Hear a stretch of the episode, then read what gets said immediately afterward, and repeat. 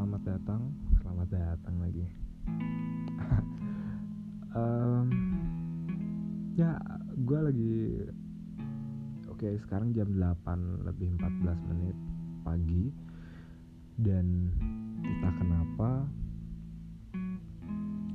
uh, bukan entah kenapa ya uh, pagi ini gue bangun pagi. Tadi uh, sempat melek jam 3an terus uh, gue bangun tidur jam 6 dan hari ini masuk nanti jam 10 dan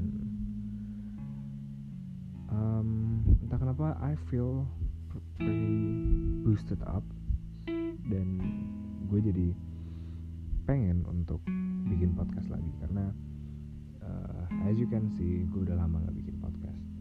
Dan, dan bukan yang bikin podcast sih kayak gue udah lama gak bercerita sama diri gue sendiri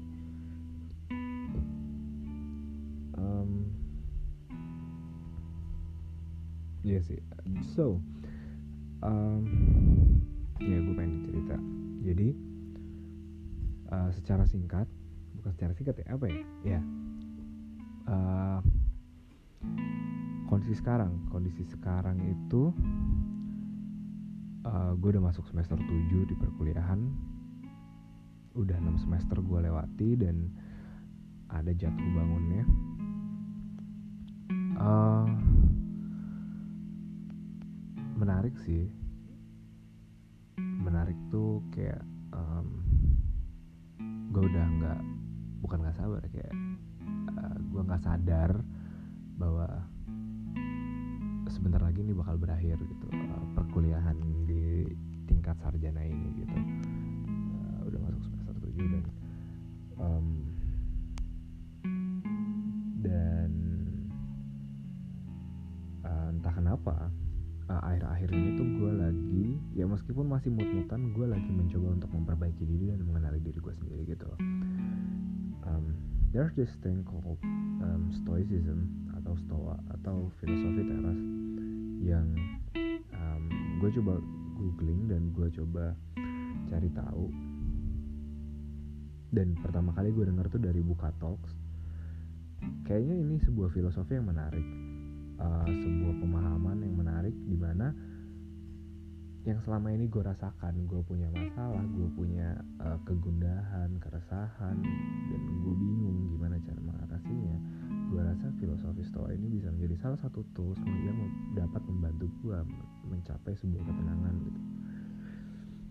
Dan um, dan dengan bekal uh, in, dan dengan interest ini ke filosofi teras atau filosofi stoa atau ya itu. Um, gua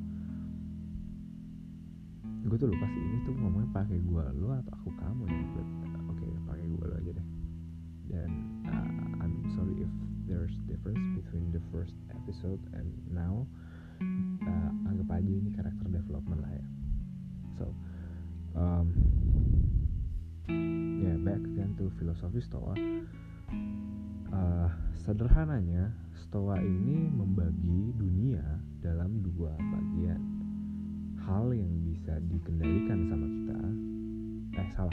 Hal yang tidak bisa dikendalikan sama kita contohnya keadaan kita lahir kesehatan kita reaksi orang lain terhadap kita pandangan orang lain terhadap kita sebagai manusia dan hal-hal yang bisa kita kendalikan seperti tindakan kita, pandangan kita terhadap orang lain, uh, sikap kita, perilaku kita, itu semua bisa dikendalikan. Dan filosofi Stoa, filosofi teras mengajarkan bahwa atau memberi ajaran bahwa um, kita tak akan pernah mencapai kebahagiaan. Atau misalkan kita uh, akan lebih cenderung untuk um, cenderung untuk mengalami kesedihan yang berlebih apabila kita menaruh ya atau kekecewaan ya apabila kita menaruh kebahagiaan kita unsur yang membuat kita bahagia terhadap hal-hal yang dapat yang tidak dapat kita kendalikan. Contoh um, wah kita uh, bergantung sama nilai contohnya. Nah kita dapat nilai berapa? Itu nggak bisa dikontrol sama kita sendiri karena itu wewenangnya guru untuk ngasih nilai. Dan sementara um, yang bisa kita kendalikan itu hal-hal yang bisa kita kerjakan yang bisa kita lakukan. Contoh um, membuat sesuatu mengerjakan tugas selesai pada waktunya. Itu bisa kita kendalikan. Dan menaruh atau menggantungkan kebahagiaan kita terhadap hal-hal yang bisa kita kendalikan itu lebih baik atau lebih uh,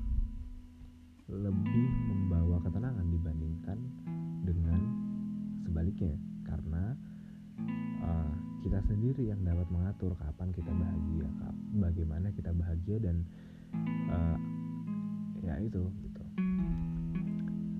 Dan dari situ gue mulai mengatur diri gue atau um, semacam mendoktrin kepala gue sendiri bahwa uh, if you if bad something hap if bad thing happen to you ya sudah itu respon dunia terhadap lu. Lu nggak bisa ngatur uh, bad thing itu happen ke lu tapi yang lu bisa atur adalah langkah lu selanjutnya apa dan respon lu terhadap hal buruk tersebut tuh kayak gimana. Kayak misalkan nih uh, kemarin itu rebutan dosen proposal TA uh, bukan proposal ya dosen TA HP gue waktu itu nggak bisa refresh nggak bisa ngeklik formnya sehingga gue masuk informnya dengan telat karena gue masuk informnya telat akhirnya gue nggak kebagian dosen. Dan karena gue nggak kebagian dosen dan karena telat juga gue dapat kesempatan untuk milih dosen di akhir-akhir. Jadi gue dapet sisaan gitu.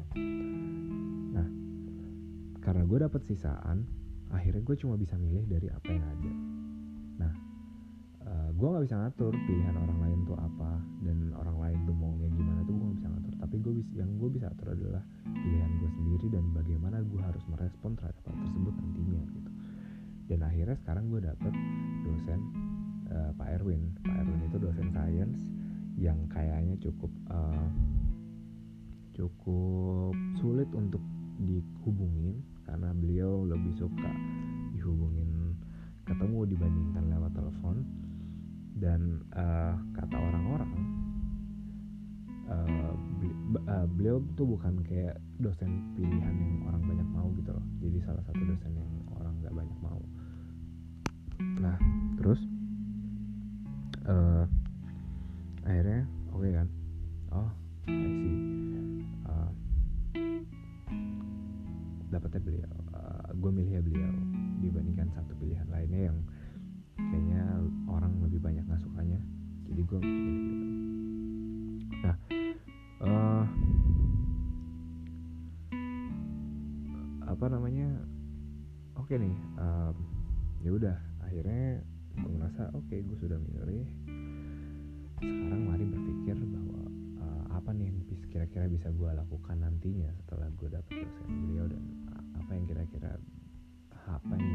lakukan sebagai dosen perwalian TA-nya gitu.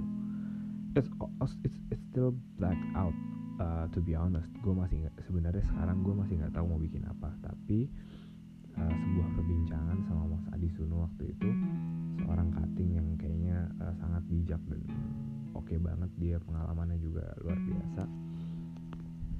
Uh, ngasih tahu gue bahwa kalau misalkan atau ngebuka gue bahwa beliau tuh milih perpustakaan sebagai sebuah tipologi. Dan gue jadi kepikiran bahwa selama 6 semester terakhir yang sering gue bikin adalah ruang baca uh, dan yang hubungannya sama publik gitu. Jadi kayak ya udah uh, yang gue bikin perpustakaan. Dua PA terakhir gitu.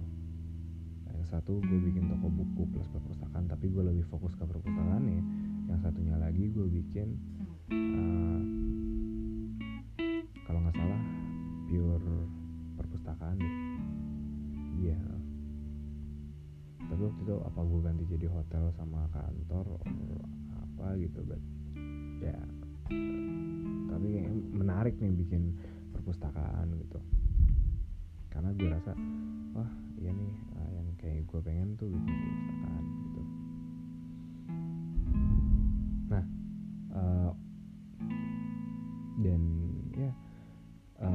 dan ya uh, dengan filosofi stoa ini yang gue rasa juga akhirnya pengen gue masukin ke faktor-faktor lain di hidup gue gitu. Kayak misalkan percintaan kayak misalkan uh, gue suka sama orang. Uh, gue nggak bisa bikin orang lain itu suka sama gue balik. Yang gue bisa fokus adalah uh, rasa suka gue ke orang itu apa yang gue berikan ke dia udah. Itu urusan gue dan perihal perihal dia suka gue balik atau enggak itu ya urusannya dia.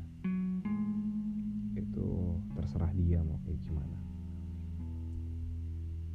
Dan gue ya uh, bukannya mau sombong ya dan gue juga nggak berharap ini banyak yang dengerin juga. Tapi gue um, jadi kayak pengen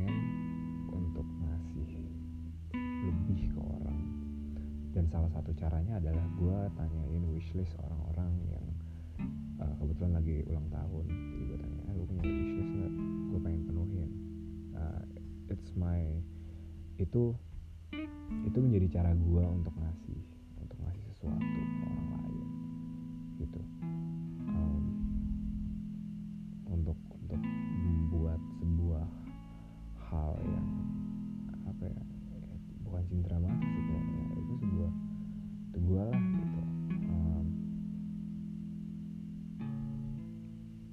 effort gue untuk melakukan apa yang pengen gue lakukan gitu.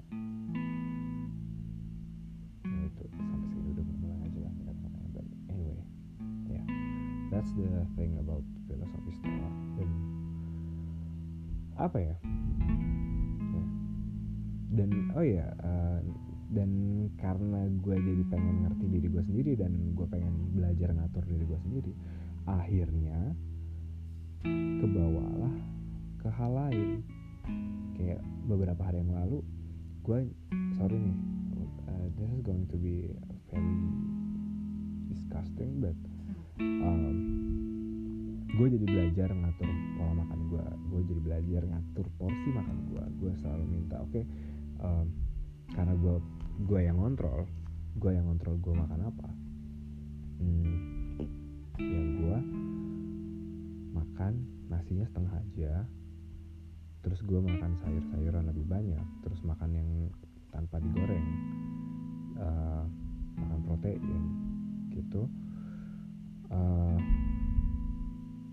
dan uh, gue memutuskan untuk um, beli catering sih beli catering diet gitu. Tapi gue masih nyoba masih uh, baru jalan dua hari.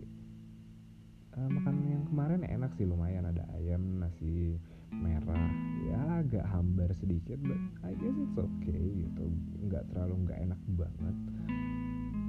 Terus uh, dan akhirnya ya gue gue mulai belajar ngatur gitu. Um, ya gue harap akan ada hasilnya sih ya. Gue mungkin belum olahraga juga tapi gue rasa dengan ada tambahan effort kayak misalkan kalau gue makan gue jalan ke depan atau misalkan gue mau beli sesuatu gue tinggal jalan tuh kayaknya udah sebuah effort tersendiri gitu. Gue pengen sih nanti coba jalan jauh uh, misalkan ke mana gitu kalau mau ngeprint something. Jadi kayak gue jadi lebih berolahraga lagi gitu kan. Pengen tapi mungkin nanti let's just do it step by step. Sama oh iya beberapa hari yang lalu juga gue mulai nyuci ya nyuci. Yang tadinya gue nggak nyuci apa celana dalam yang uh, celana dalam yang segitiga gitu biasanya tuh gue taruh aja di kamar nggak pernah dicuci sampai kadang ada bulukan gitu terus gue buang akhirnya celana dalamnya. Dan entah kenapa tuh kemarin kayak oke okay, I think I need to wash it myself. Terus kayak gue cari di Google gimana sih caranya nyuci celana dalam terus ternyata super simple. Lu cuma masukin ini nggak tahu ya tolong dibenerin juga kalau misalkan salah. Uh, Dito di masa depan. Bahwa lu tinggal masukin aja ke ke dalam ember atau wadah air lu rendam selama 5 menit supaya keringatnya hilang atau setengah jam sekalian kalau misalkan lu pengen baunya hilang kalau emang celana dalam lu bau nah terus lu oh, uh, oh itu direndamnya tuh udah sama itu ya uh, apa sih sabun cuci atau deterjen gitu. Itu direndamnya. Nah terus udah uh, setelah lu rendam selama 35 sampai 30 menit lu kucek-kucek terus lu bilas. Nah setelah dibilas uh, ya dibilas dan dikeringin gitu diperes. Setelah diperes dan dibilas lu uh, apa namanya? Gantung. Uh, gantung di maksudnya dijemur. Udah it's so simple. Dan gue nggak merasa ada effort dalam nyuci celana dalam akhirnya sekarang kayak ya lumayan ya gitu. Nggak uh, capek-capek banget gitu. Ini kayak asik gitu ya kan gue jadi senang aja bahwa oh ya sekarang nih uh, sekarang kayaknya asik banget ya tapi ya kecemasan akan selalu datang sih gue rasa. Karena um, kalau uh, dan gue juga mulai ngeblok mulai ngeblok dan di blog gue kemarin tuh gue nulis bahwa gue tuh takut sebenarnya sendiri. Karena dulu pas 2015 gue pernah dikasih tahu sama seseorang yang katanya motivator dan dia punya ya motivator gitu lah. Um, dan singkat cerita dia bilang ke gue dia nitip gue kamu jangan sampai sendiri ya. Kamu jangan sendiri.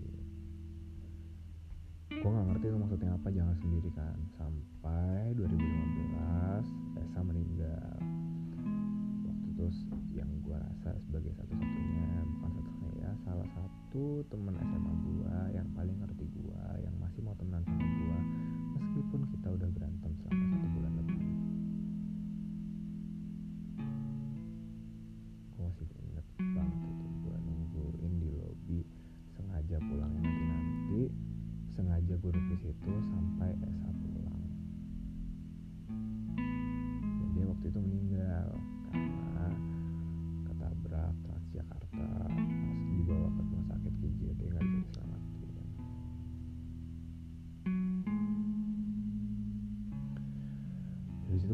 sendiri banget sedih banget gue gue nangis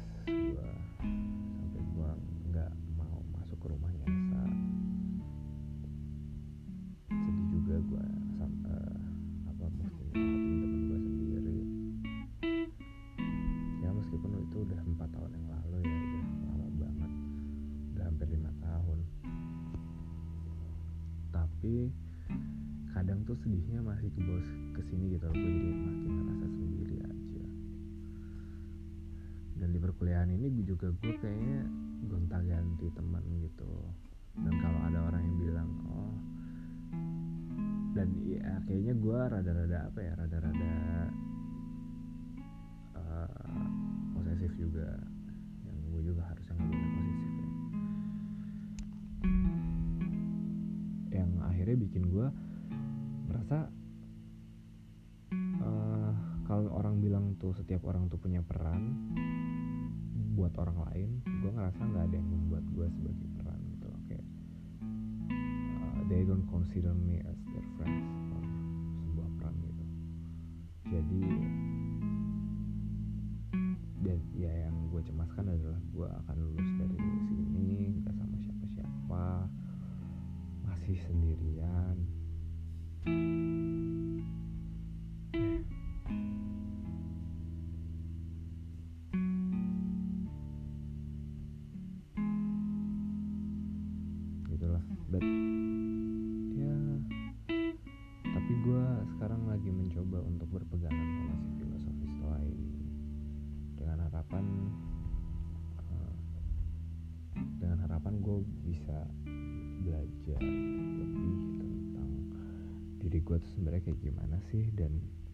yang sebenarnya gue butuhkan dan apa yang bisa gue lakukan terhadap dunia gitu.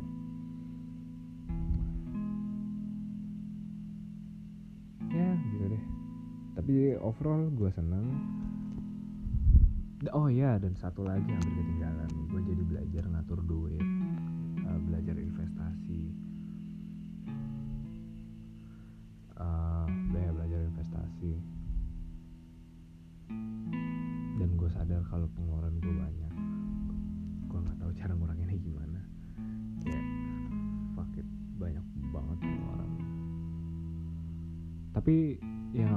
dari situ gue jadi tahu bahwa uh, hidup tuh susah. Uh, kalau mau ngeluarin banyak atau kalau lu mau jajan banyak atau punya kemungkinan untuk jajan lu juga harus cari uang buat itu gitu. Dan uang yang lo dapetin juga lu mesti lu tabung mesti lu investasikan dan itu juga jangan lupa dan disisihin buat duit emergency juga jangan lupa. Hmm, ya ya ya ya gitu deh. Um, gue nggak tahu nanti ke depannya bakal gimana. Nah tapi yang bisa gue fokus adalah hari ini sekarang. Dan gue harap sih gue harap di saat nanti gue dengerin lagi cerita-cerita gue zaman dulu hmm, gue jadi bisa ketawa kecil gitu. Ya dulu gue gitu ya. Oke okay, segitu aja. Uh, makasih udah mau dengerin. Ya siapa pun yang dengerin. Kalau kalian sampai atau sampai abis gini. Makasih